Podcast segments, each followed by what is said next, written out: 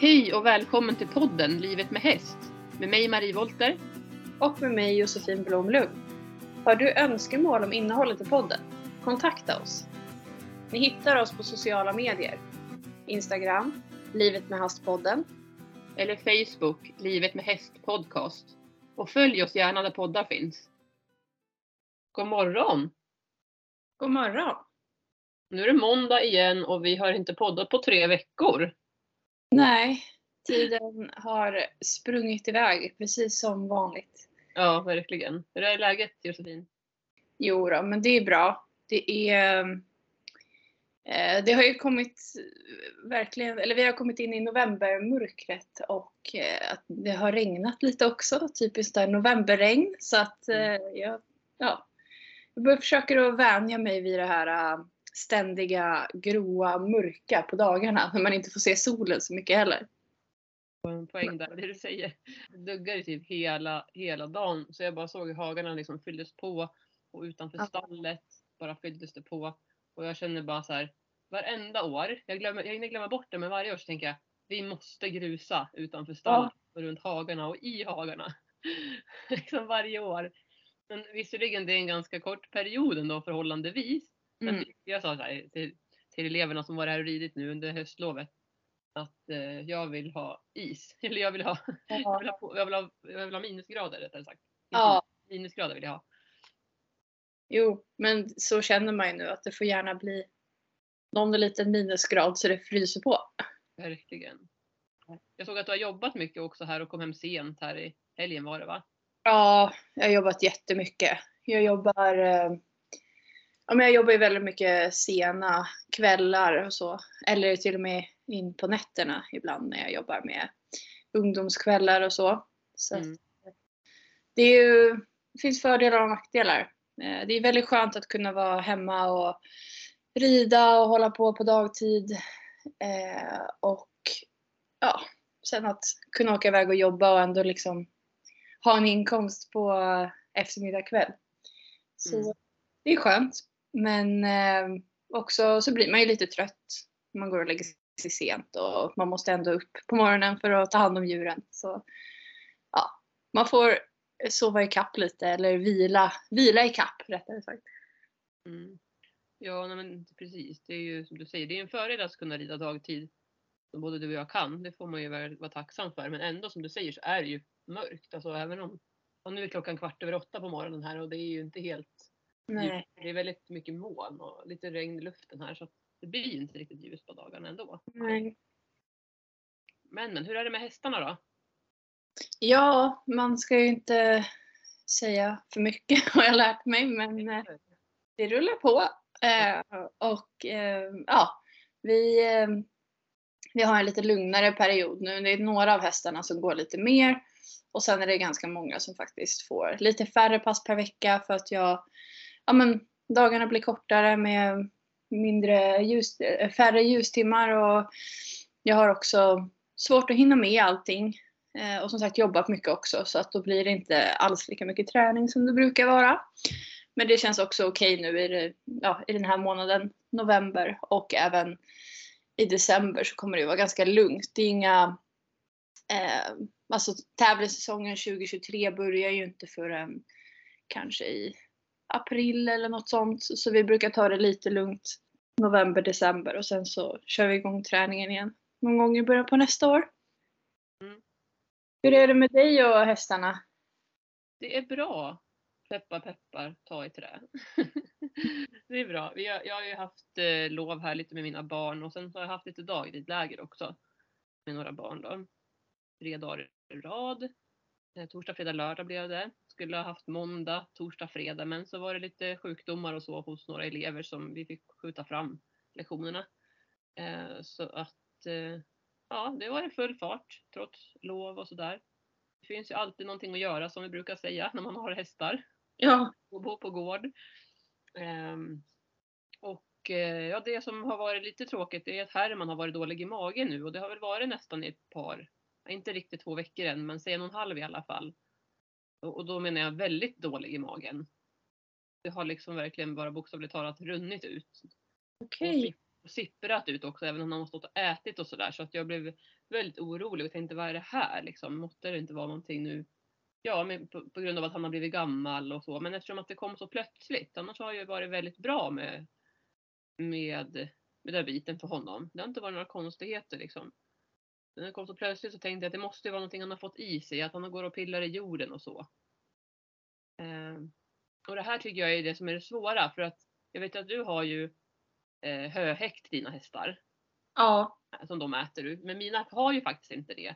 De får ju mat. Jag matar ju dem tre gånger om dagen. Antingen så har jag ju foderautomaten då. Och då ramlar ju maten ner på marken. Eller så matar jag dem för hand då. Och går in och lägger in höet i hagen där det ser bäst ut. Och vi har ju liksom flera ställen i, ha i hagen där det inte är lervälling. Där man ändå kan lägga maten på marken. Men jag har väl börjat insett att det kanske inte är så hållbart när det är. För jag tycker att det känns som i alla fall att varje, på de senaste åren så tycker jag hösten har varit så himla geggig. Alltså så himla Mm. och så. Jag vet inte om det är bara jag som upplever det så men jag, jag tycker verkligen att hagarna ser för hemska ut. Det har ju varit ganska varmt. Det ju, ska ju vara 10 grader idag. Så att det blir ju liksom så fuktigt istället då. Istället för att det blir minusgrader. Ja, nej men precis. Och det är väl det. Det, blir, det torkar liksom aldrig upp riktigt. Och det märker jag även på Gingis nu. Så honom har jag faktiskt rakat lite. För han har ju gått och varit svettig nu till och med på dagarna. För att han inte har gjort någonting. På grund av att han redan har satt så mycket vinterpäls. Och så blir det ju inte bättre för att han har PPID, Cushing. Eh, han får ju medicin för det men ändå så har han ju mycket päls. Och han är ju shettis. Så att han svettas ju. Och det, och det brukar inte han göra. Så att eh, Ja, det är, det är varmt. Det är det verkligen. Och Sen så är det att det skiftar. Jag menar det var ändå ganska kallt förhållandevis. Om det inte var i oktober tror jag så var det ändå liksom minusgrader ett tag. Vissa Mm. och, och även ja, på dagtid lite kallare tyckte jag. Eh, nej men så tillbaka till det här med, med Herman då så maten, jag behöver försöka hitta en lösning för att få upp maten från marken under den, framförallt under den här årstiden. Sen tycker jag att det är väldigt bra för att hästar är ju av, i naturen så äter de ju från marken. Det är ju deras naturligaste post, liksom, ätställning. Men när det är lerigt så är det inte så kul och då har de börjat kliva runt i det där också.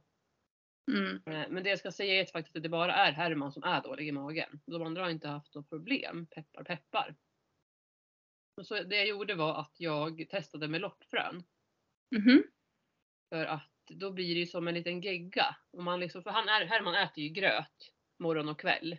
Lucern och lite fiberpellets som jag blötlägger. Och i det sen så då har jag blandat i loppfrön med lite mer vätska. Och då blir det som en gröt så att ifall det skulle vara så nu att han har fått i sig jord, kanske sand eller någonting. Då blir det som en liten klump och det blir lite geléigt av de här loppfröna när de, blö, kommer, när de blir blöta Ja. kan det transportera ut eventuell sand och så från hästens tarm. Eh, så tänkte jag att det är i alla fall någonting som man kan testa tänkte jag för att se. För så att också loppfrön, vad jag har förstått det, ska vara bra för tarmen. Lite som prebiotika, att det också kan stabilisera. Eh, så vet inte jag om det är korrekt information men det är i alla fall vad jag har hört. Och, eh, jag tyckte väl att det inte hjälpte så jättemycket men som jag sa där så var det ju väldigt extremt han var dålig i magen. Så, och man vet, jag vet ju också med, med, med att det här med mag och tarm även med människor för jag jobbar ju en del med, liksom med det också. I mitt andra jobb så pratar vi mycket om det med mag och tarmhälsan. Och jag vet hur avgörande det är för hur man mår också liksom. Eh, men för Hermans del så har han ju varit väldigt pigg. Han har ju inte varit trött eller eh, dålig aptit eller liksom slö eller något sånt där. Utan han har varit, och ingen feber heller. Han har varit som, precis som vanligt. Vilket har ju varit jätteskönt. Och det var det som gjorde att jag testade nu med loppfrön till en början för att se om jag kan stabilisera. Men det hände som sagt inte så mycket. Så då ringde jag till veterinären. Eh, jag måste varit förra veckan här nu då. Och eh, då sa den tjejen där på ambulatoriska kliniken att eh, någonting som heter Diarsanil kan man köpa receptfritt. Så jag beställde hem det. Okej. Och eh, det ska då också stabilisera mag och tarm. Eh, Diarsanil plus tror jag att det heter. Och då skulle man ge det två gånger om dagen, morgon och kväll i tre dagar. Mm. Och jag tyckte att på slutet där, om det var om inte andra dagen på kvällen. Då tyckte jag att jag började märka skillnad, att det blev mer stabilt. Inte liksom hundraprocentigt bra. absolut inte. Men ändå, det börjar bli liksom lite mer träckbollar. Man kunde urskilja lite så i alla fall. Eh, han blev lite lugnare i magen liksom. Eh, sen så dag tre och dagen utan den här eh, dosen då så då tyckte jag att det var helt okej. Okay. Och sen ska jag säga också att jag hade i dagridläger så vi red ju ut mycket i skritt förstås men det var några uteritter på lite drygt någon timme så han fick röra på sig. Och det tror jag bara gjorde gott för jag märkte att när han också fick röra på sig så blev magen mera stabil. Och det blev mer träckbollar då när han fick motioneras lite. Och då var det att magen kom igång, kanske han blev lite, ja men fick rörelse. Rörelse är ju bra så länge inte hästen är jätteslö och verkar allmänpåverkad så är ju rörelse bra. Liksom. Det sa ju veterinären också att rör, han ska röra på sig. Eh, sen var han ju då utan den här en dag, dagen efter sen så kom det tillbaka. Så att nu har han varit lite dålig i magen igen. Från att nu idag så ser det helt stabilt, eller rätt så stabilt ut igen då. Så vi får väl se lite grann vad det är som ställer till det för honom. Jag är lite, lite kluven på det här. Om det fortfarande är någonting som han har fått i sig lera och bara, och det kan ju ta tid också att stabilisera ja. mag och tarm när det väl har blivit en rubbning i tarmfloran. Ska man ju veta också. Ja. Det, men det är ständigt kontroll nu och, och mocka och kolla och se hur han mår och hämpa och där. Ja, det är jobbigt för de tappar ju mycket vätska också när de blir dåliga i magen. Mm. Och precis, där säger du en viktig poäng också. För jag märkte ju det att vattnet bara sa ju swoop så var det slut liksom i mm. vattenbaljan. Och det var ju i och för sig bra, det är jättebra att, han drack. Annars kan ju det leda till kolik och, och annat. Förstoppning liksom. Så det var ju så det var ju bra. Men däremot så säger nu när han har varit lite mer stabil i magen att då har det minskat på vattenintaget. Ja. Säger jag då att ja men då kanske det ändå är med på väg åt rätt håll. Så vi får ja tummarna för Herman att det stabiliserar sig här under de närmaste dagarna. Annars så kommer jag få ringa tillbaka till veterinären om jag känner att nej men det här blir liksom, det bara vänder tillbaks igen. Så får de ju komma ut och undersöka. Så jag hoppas att det inte har blivit någon, någon, någonting på tarmslemhinnan, någon skada liksom. Det kan ju bli, det kan ju hända saker när han också är gammal. Men någonting säger mig ändå, är han pigg och det här har kommit förhållandevis ganska så plötsligt så borde det vara någonting han har fått i sig och det trodde veterinären också. Så vi får se. Ja. Har du varit med om något liknande med dina hästar som du kan komma på nu på rak arm? Alltså, ja men när man åker och tävlar med dem så eh, kan de ju bli lite, ja men få stress av transport eller de blir ju såklart påverkade av att det blir mycket nerver och sådär när man ska tävla så att då kan de ju bli dåliga i magen också. Mm. Eh, och då är det ju väldigt viktigt att man tänker på att de får i sig ordentligt med vätska. Ehm, och jag brukar försöka blanda upp, de får alltid vanligt vatten också, men sen brukar jag ha någon form av blötlagd mat till dem också så att de får i sig vätska den vägen. Mm. Och en, då är det en väldigt liten andel foder och jättemycket vatten så att det bara tar lite smak av fodret. Det är inte för att de ska få i sig en massa energi eller att det ska bli ett tillskott av det här fodret utan mer bara för att de ska bli motiverade att få i sig mer vätska. Mm. Så när vi åker eh, långa transporter med dem när vi ska tävla, då har ju mina hästar alltid, de har alltid hö i transporten. Det har de oavsett om det är vi ska åka bara en kvart för att jag tycker att det är trevligt att de liksom kan slappna av och ha någonting att pilla med där inne. Men sen så har jag också alltid eh, vatten inne i släpet. Så det hänger där så att de kan dricka när de vill. Och då brukar jag ha, eh, jag kan hänga upp krubbor inne i mitt släp så att då har jag blötlagt eh, deras mat som de tycker är väldigt god. Och så blir det liksom som en mash eller som en soppa som de kan stå och gegga med där inne i släpet. Det blir väldigt smutsigt eh, på dörrarna och väggarna men då får jag ju bara tvätta släpet sen. För att eh, det viktiga är att de får i sig någonting liksom. Ja. Eh, och det tror jag gör mycket för att liksom förebygga att de får problem.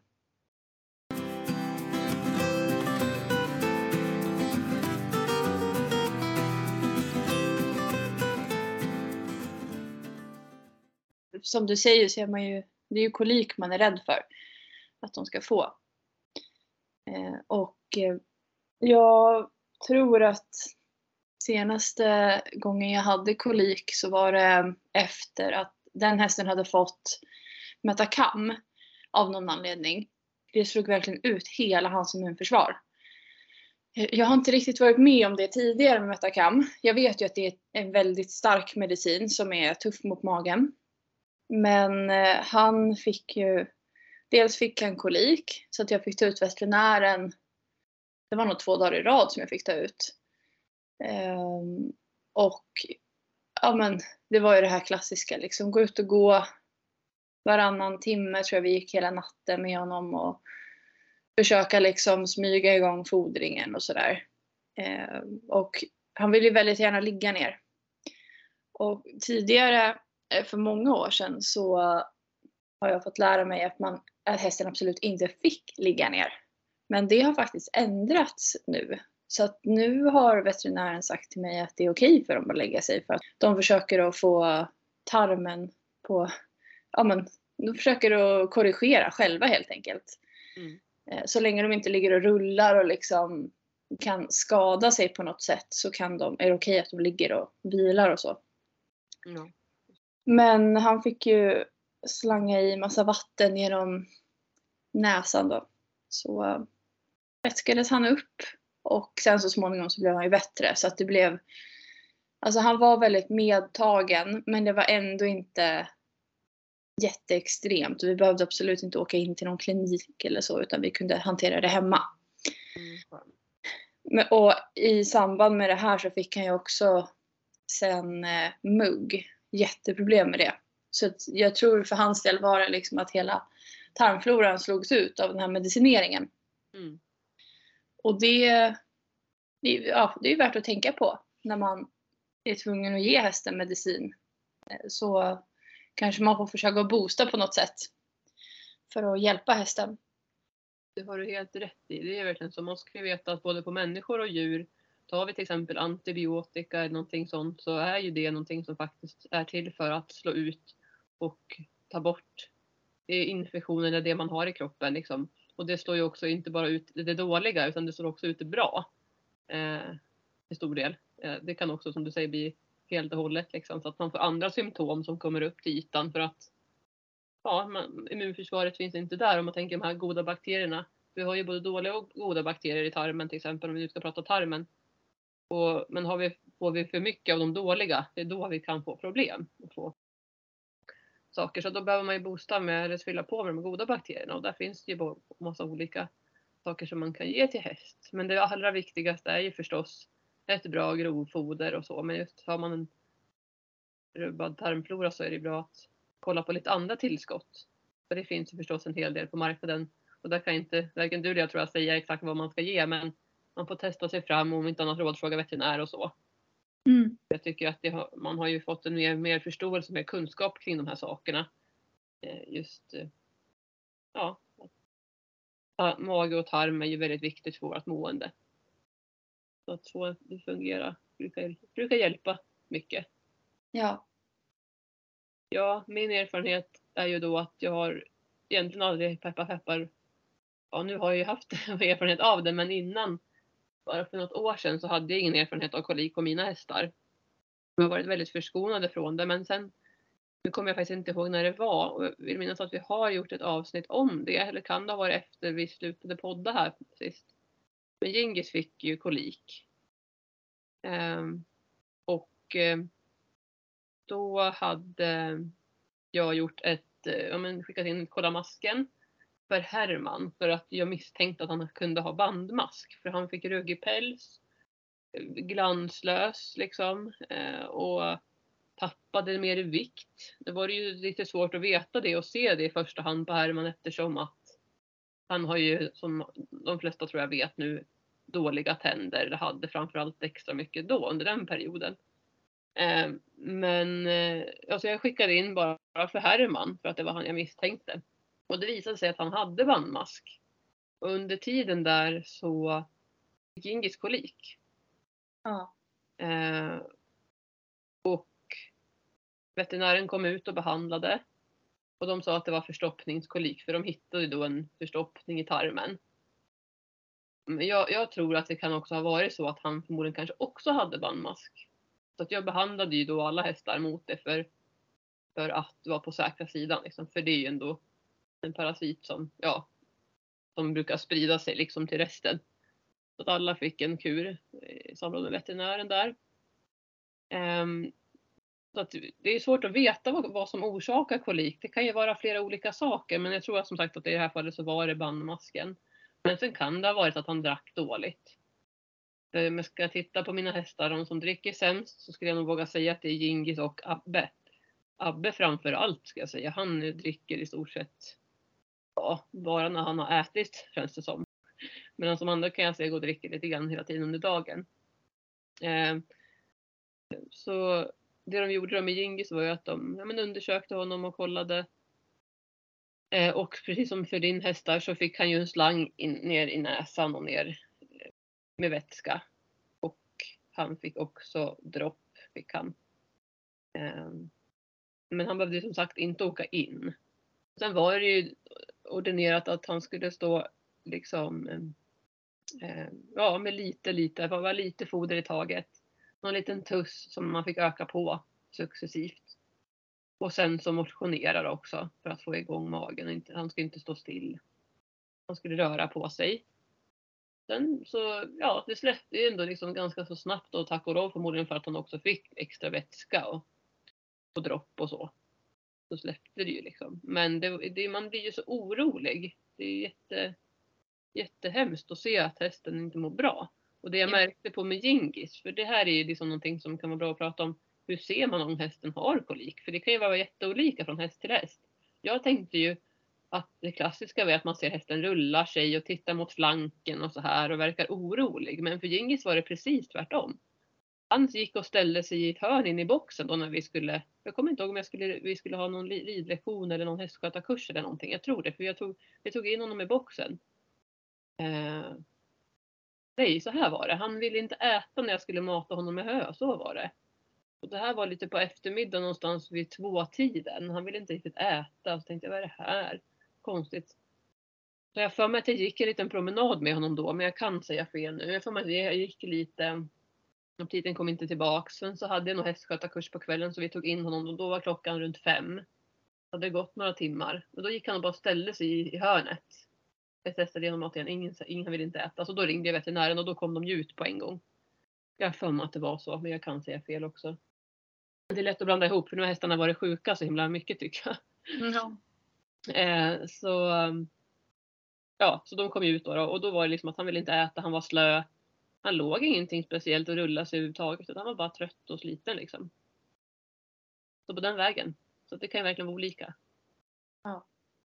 Det gäller att känna sin häst och veta eller se de små signalerna. Ja men verkligen. Och det, ja det är ju så att det, man kan se det, av, det avvikande från deras naturliga eller vardagliga beteende. Är det någonting man märker liksom som ja det här känns inte riktigt rätt i magen. Då är det ju oftast så. Mm. Det stämmer oftast. Ja, det är så jätteviktigt att gå på magkänslan. Det har jag själv eh, fått bli påmind om nu eh, ja, men en hel del. Att man, man ska liksom gå på magkänslan. Och känner man att hmm, det känns som att det kanske är något som är fel. Då är det bättre att liksom kolla en extra gång än att strunta i det. Ja, verkligen. Och jag tycker inte man ska vara rädd heller för att ringa veterinären och tänka att nu kommer det bli dyrt. Utan det viktigaste är ju faktiskt att ringa och rådfråga med dem först och främst. Mm. För att det kanske, anser de att nej men det här är ett akut läge, vi måste komma ut och kolla. Då kommer de ju göra det och då måste man göra det för hästens eller för sitt djurs skull. Det är ju det absolut viktigaste. Eh, men sen så var det det här scenariot med, eh, med Herman sen som jag råkade ut för. För han fick ju också kolik sen här. Eh, då räckte det faktiskt med att vi pratade på telefon med veterinären. Så hade jag ju bara tur att det släppte av sig själv. Eh, men då var det så här att vi hade varit till veterinären, vi hade åkt hästtransport, här man hade varit och kollat sina tänder. Och han får ju då lugnande var varje gång. Så när vi kom hem sen så hann det bara gå några timmar från att vi kom hem. Jag skulle lunchfodra. Och Herman vill inte äta tänkte, jaha, han har väl ont i munnen då kanske nu när vi har varit hos veterinären. Men det kändes inte riktigt som, alltså hans lucerngröt, pelleten som jag blötlägger, den brukar han ju alltid vilja kasta sig över och tänkte att så ont ska han ju inte ha så att han inte kan äta den. Så jag kände direkt att det är någonting som inte stämmer. Och så tänkte, då fick jag ju lite grann samma känsla som jag fick som Gingis hade. För där hade de ju lite liknande symptom i sina symptom Att Gingis ville ju inte heller äta. Så jag tänkte nej, nu tar jag Grimman och så promenerar jag med Herman och ser om det, om det är kolik. Och så ringer veterinären under tiden medan vi går. Och det gjorde jag. Och sa hur det var. Eh, och det som hände var också att när vi gick, vi promenerade ner till sommarhagen. För jag tänkte, vi testar och ser, han kanske vill äta lite gräs och ser i så fall hur det blir. Liksom om man nu om man har aptit överhuvudtaget. För har han inte aptit över gräset då är det ju verkligen något behöver, han behöver hjälp med. Men då när vi var nere vid sommarhagen ja, så fick han, blev han jätteflämtig och började flåsa också. Blev jättetrött. Så att han så här fick jättehög puls. Och det var inga tarmljud alls? Ja, och sen så i alla fall så promenerade vi och, och jag ringde veterinären som en gå med honom 30 minuter och sen så vilar du 5 minuter och så går det 30 minuter igen. Och ja, så gjorde vi det och sen så första 30 minuterna ingen, så här, inte något sug alls efter något gräs eller någonting. Eh, och när vi ställde oss på, på, på våran tomt på gräsmattan där han alltid brukar vilja äta gräs så stod han bara där och såg jättetrött ut.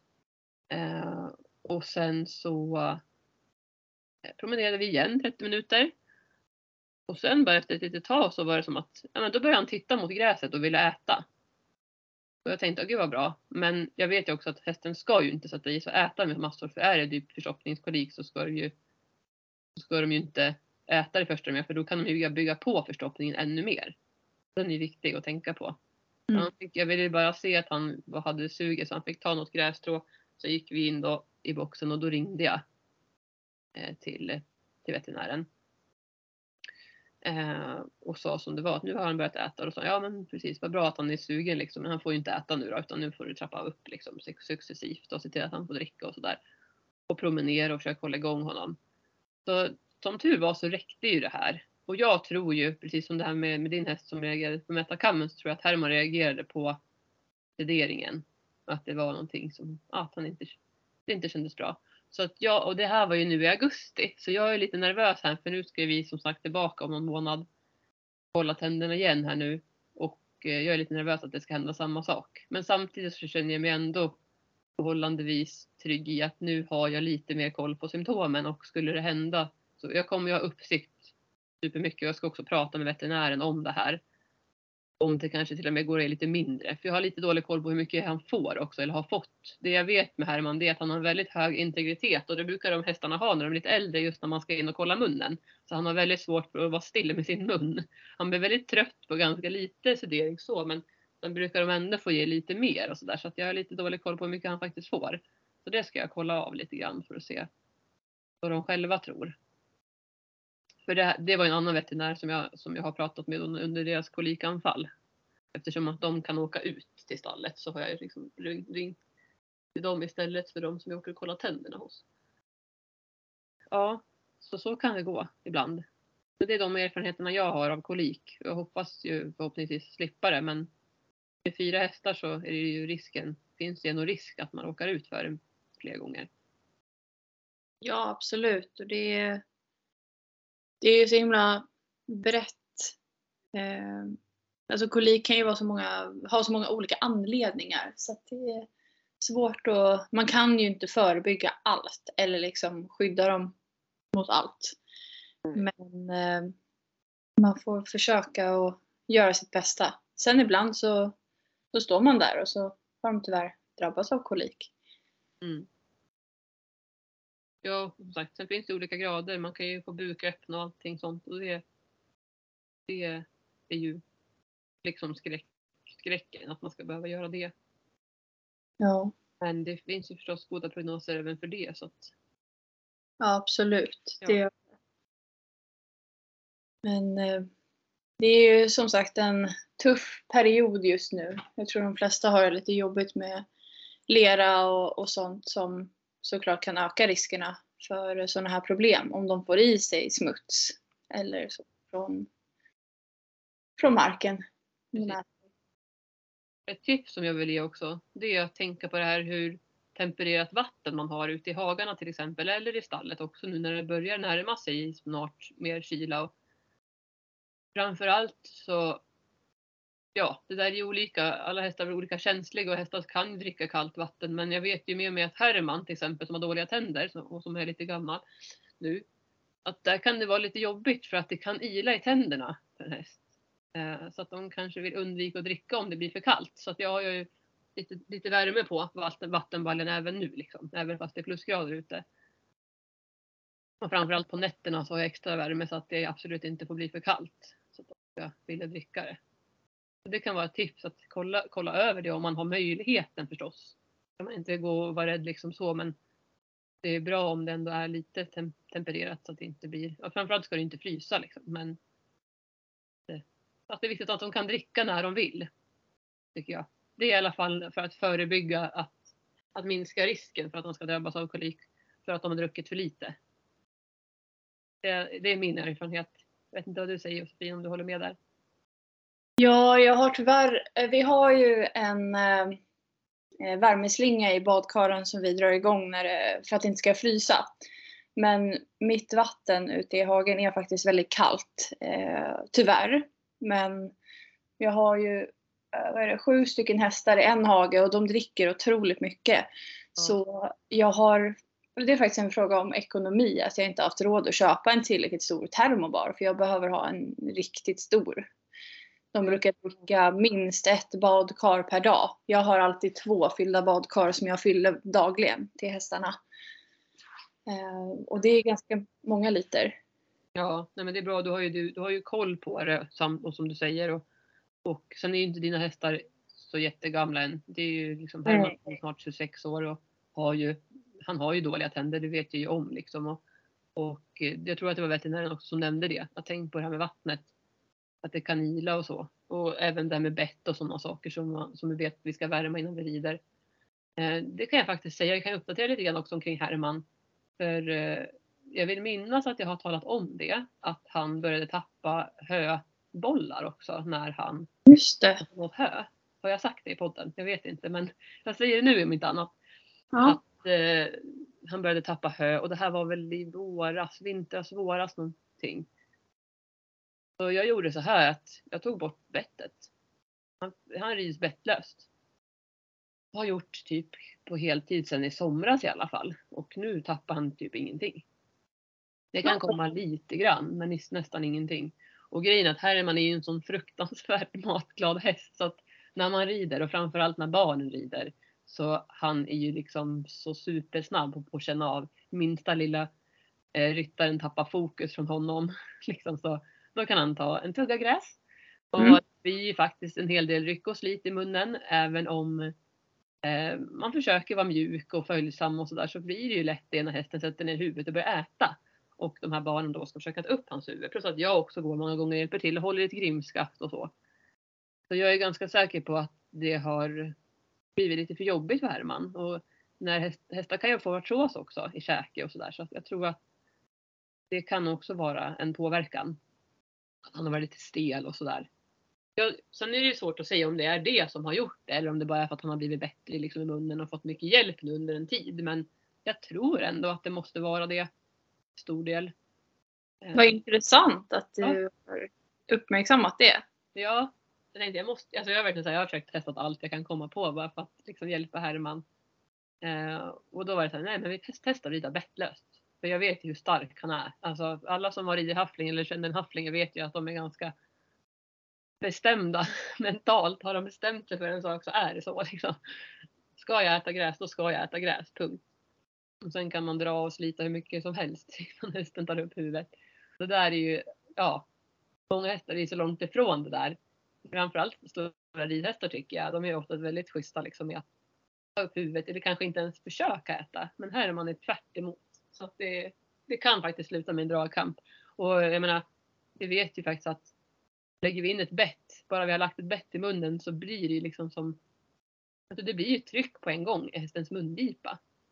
Då när vi lägger på lite stöd i handen och ännu mer när vi till exempel måste ta upp hästens huvud från att de inte ska äta gräs kan vi bara tänka oss vad, vad det gör. Ja. Ja, det, jag, jag tror det är jättebra att variera. Om man, om man har en häst som rids med bett vanligtvis så är det ju, det skadar ju inte att, variera sig. Eh, jag gör det väldigt mycket. Några rids ju bara bettlöst men eh, de som har bett ibland de går också alltid med bettlöst regelbundet. Mm. Och även eh, eh, ja, men om det är någon som har haft mycket problem med tänderna så har jag faktiskt tänkt lite extra på det här med att försöka att tänka på bettets påverkan på tänderna också. För man vill ju inte att eh, man vill ju inte göra så att tänderna slits mer än vad de behöver göra heller. Nej men precis, det är ju det. Och, och käke och sådär. Och, ja. Det är inte naturligt för hästen att ha varken bett egentligen eller bettlöst alternativ. Så bästa är ju förstås om man kunde rida utan, utan det helt. Men det är Ja. svårt när man rider ut och när man ska ja, rida i skogen och under sommarperioden. Men jag hoppas att det, att det håller i sig med Hermans mun över vintern här nu. Det är ju förstås en kritisk period när det blir kallt och hästen behöver kunna hålla, hålla hull och hålla energinivån uppe. Och, Mm. sådär. Men som det ser, ser ut nu, förutom Hermans dåliga mage just nu då, så är han väldigt fin i kroppen och pigg och glad och munnen känns helt okej. Han får ju både hö, hösilage, jag blandar upp lite eh, nu och han får lucern och eh, fiberpelletsgröt och så får han rapsolja också. Ja. Man får ju, har man en häst, en gammal häst så får man ju kolla av med sin veterinär hur mycket ska jag ge och vad är rimligt och vad är lagom för min häst. Men så här man har det helt bra. Han har gått upp i hull under sommaren och även efter sommaren och efter betet. Det känns jätteskönt.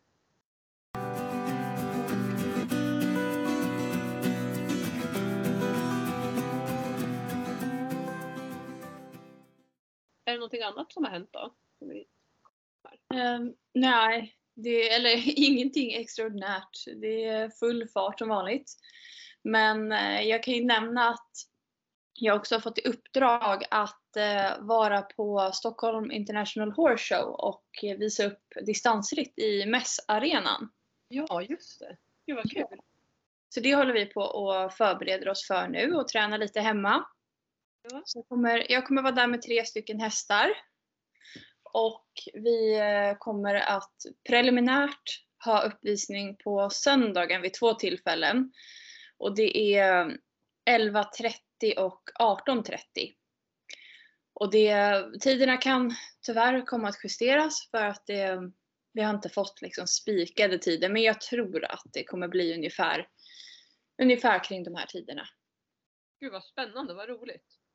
Ja, det ska bli jättekul och väldigt eh, ja, härligt att ha fått frågan att få åka dit. Det förstår jag verkligen. Kan du berätta, är det lite hemligt, vad kommer ni liksom prata om? Vad kommer ni visa upp och sådär? Eh, ja, det är lite svårt att visa upp distansritt på eh, 20 gånger 40 som ridbanan är. Men vi kommer att försöka att göra lite show så att det händer lite saker. Ja. Vi kommer att um, visa upp eh, några delar ur tävlingsmomentet och eh, rida ute på ute längs med spåret då, så att vi kommer liksom vara ute på en slinga. En sista slingan på en tävling kommer vi visa upp. Så vi, vi kommer sadla på hästarna, sitta upp, rida ut på sista slingan och sen kommer vi visa lite gromstopp, hur man gör det.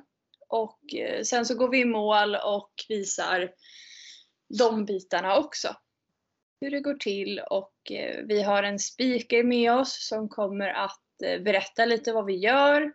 Och hon kommer också berätta om distansritt. Så eh, vi, vi ska planera lite till exakt vad som ska sägas men sen kommer vi nog köra lite, lite på känn hur det, hur det funkar och så. Men vi har jobbat mycket nu med att klocka, ta tid på ungefär hur lång tid det tar att trava ett varv eller galoppera ett varv. Så att vi ska försöka få ihop vårt framträdande. Mm. Det är mycket planering, tänker jag. Mycket förberedelse ändå. Även om som du säger, liksom, du är så trygg i det och vet ju att man kan få Mm. ut lite från höften. Men ändå så vill man ju i stora hela se att man får in all, alla moment i schemat liksom. Ja, eh, exakt. Och sen är ju en annan grej att hästarna har ju inte varit där. De har, jag vet inte hur mycket publik det kommer vara. Eh, hur mycket folk och ljud det kommer vara runt omkring. De eh, är ju vana vid att vara på tävlingar och det är mycket musik och liksom ljuduppståndelse där. Men jag tänker att det här blir liksom på ett annat sätt. Så jag hoppas att vi kommer få möjlighet att komma in och öva lite innan. Det vet jag inte om vi kommer få, men vi har liksom en plan A för hur vi ska utföra det här och så får vi se hur hästarna tycker att det funkar liksom. Ja.